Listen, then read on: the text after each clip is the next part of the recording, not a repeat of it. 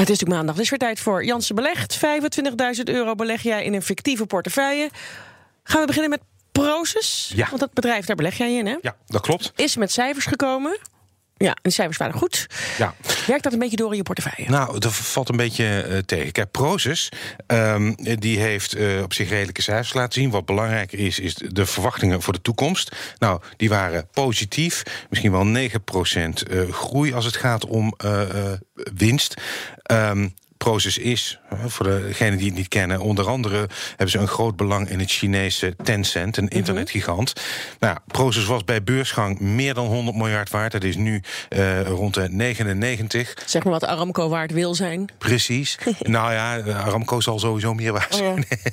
Sorry, dat uh, dit, op willen dit halen. is de Sorry, winst ja, van, nee. uh, van Aramco. Ik help ook niet. Um, even kijken. Um, ja, de, de, het is sinds de aankoop in mijn portefeuille de grootste dalen met een verlies van rond de 10 procent. Mhm. Mm -hmm. Dus dat heeft duidelijk nog wel uh, uh, wat meer tijd nodig. Um, maar goed, ik beleg voor de lange termijn. Ik ben vooral benieuwd ook. En wat er nu speelt bij Prozus is dat um, uh, zij Just Eat willen overnemen. De Britse mm -hmm. maaltijdbezorger, waar ja. ook uh, Takeaway op aast. Ik ben heel benieuwd hoe dat afloopt. Prozus biedt uh, meer en in contanten. Um, maar goed, vandaag op deze cijfers overigens een kleine procent hoger. Um, maar voor mij maakt dat niet uit. Ik heb het al een tijdje terug aangeschaft en ik sta met Proces. Ja, dat is uh, de grootste daler. Ja. Het heeft meer tijd nodig. Ja. Ik hoop dat het snel gaat stijgen. En ASML hè, doet het erg goed. Ja. Wordt het geen tijd om een beetje winst te nemen? Nou, um, het is zeker uh, helemaal niet gek om af en toe winst te nemen. Maar ASML presteert zo sterk dat ik er niet uitstap. Uh, na Galapagos, dat ik overigens mm -hmm. in portefeuille heb, is ASML de sterkste stijger in de AEX.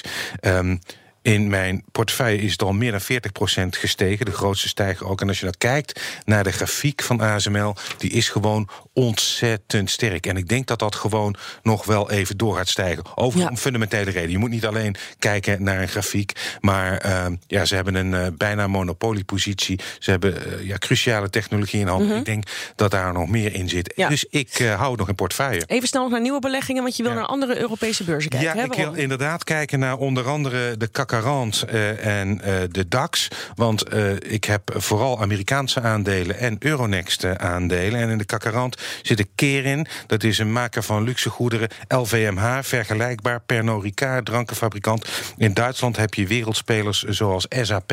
Zeg maar Duitse Microsoft. Bayer, de auto-industrie natuurlijk. Adidas. Um, ja, ik wil meer daar gaan kijken. En als je nou wil weten, wat heeft mijn voorkeur nu ja. al?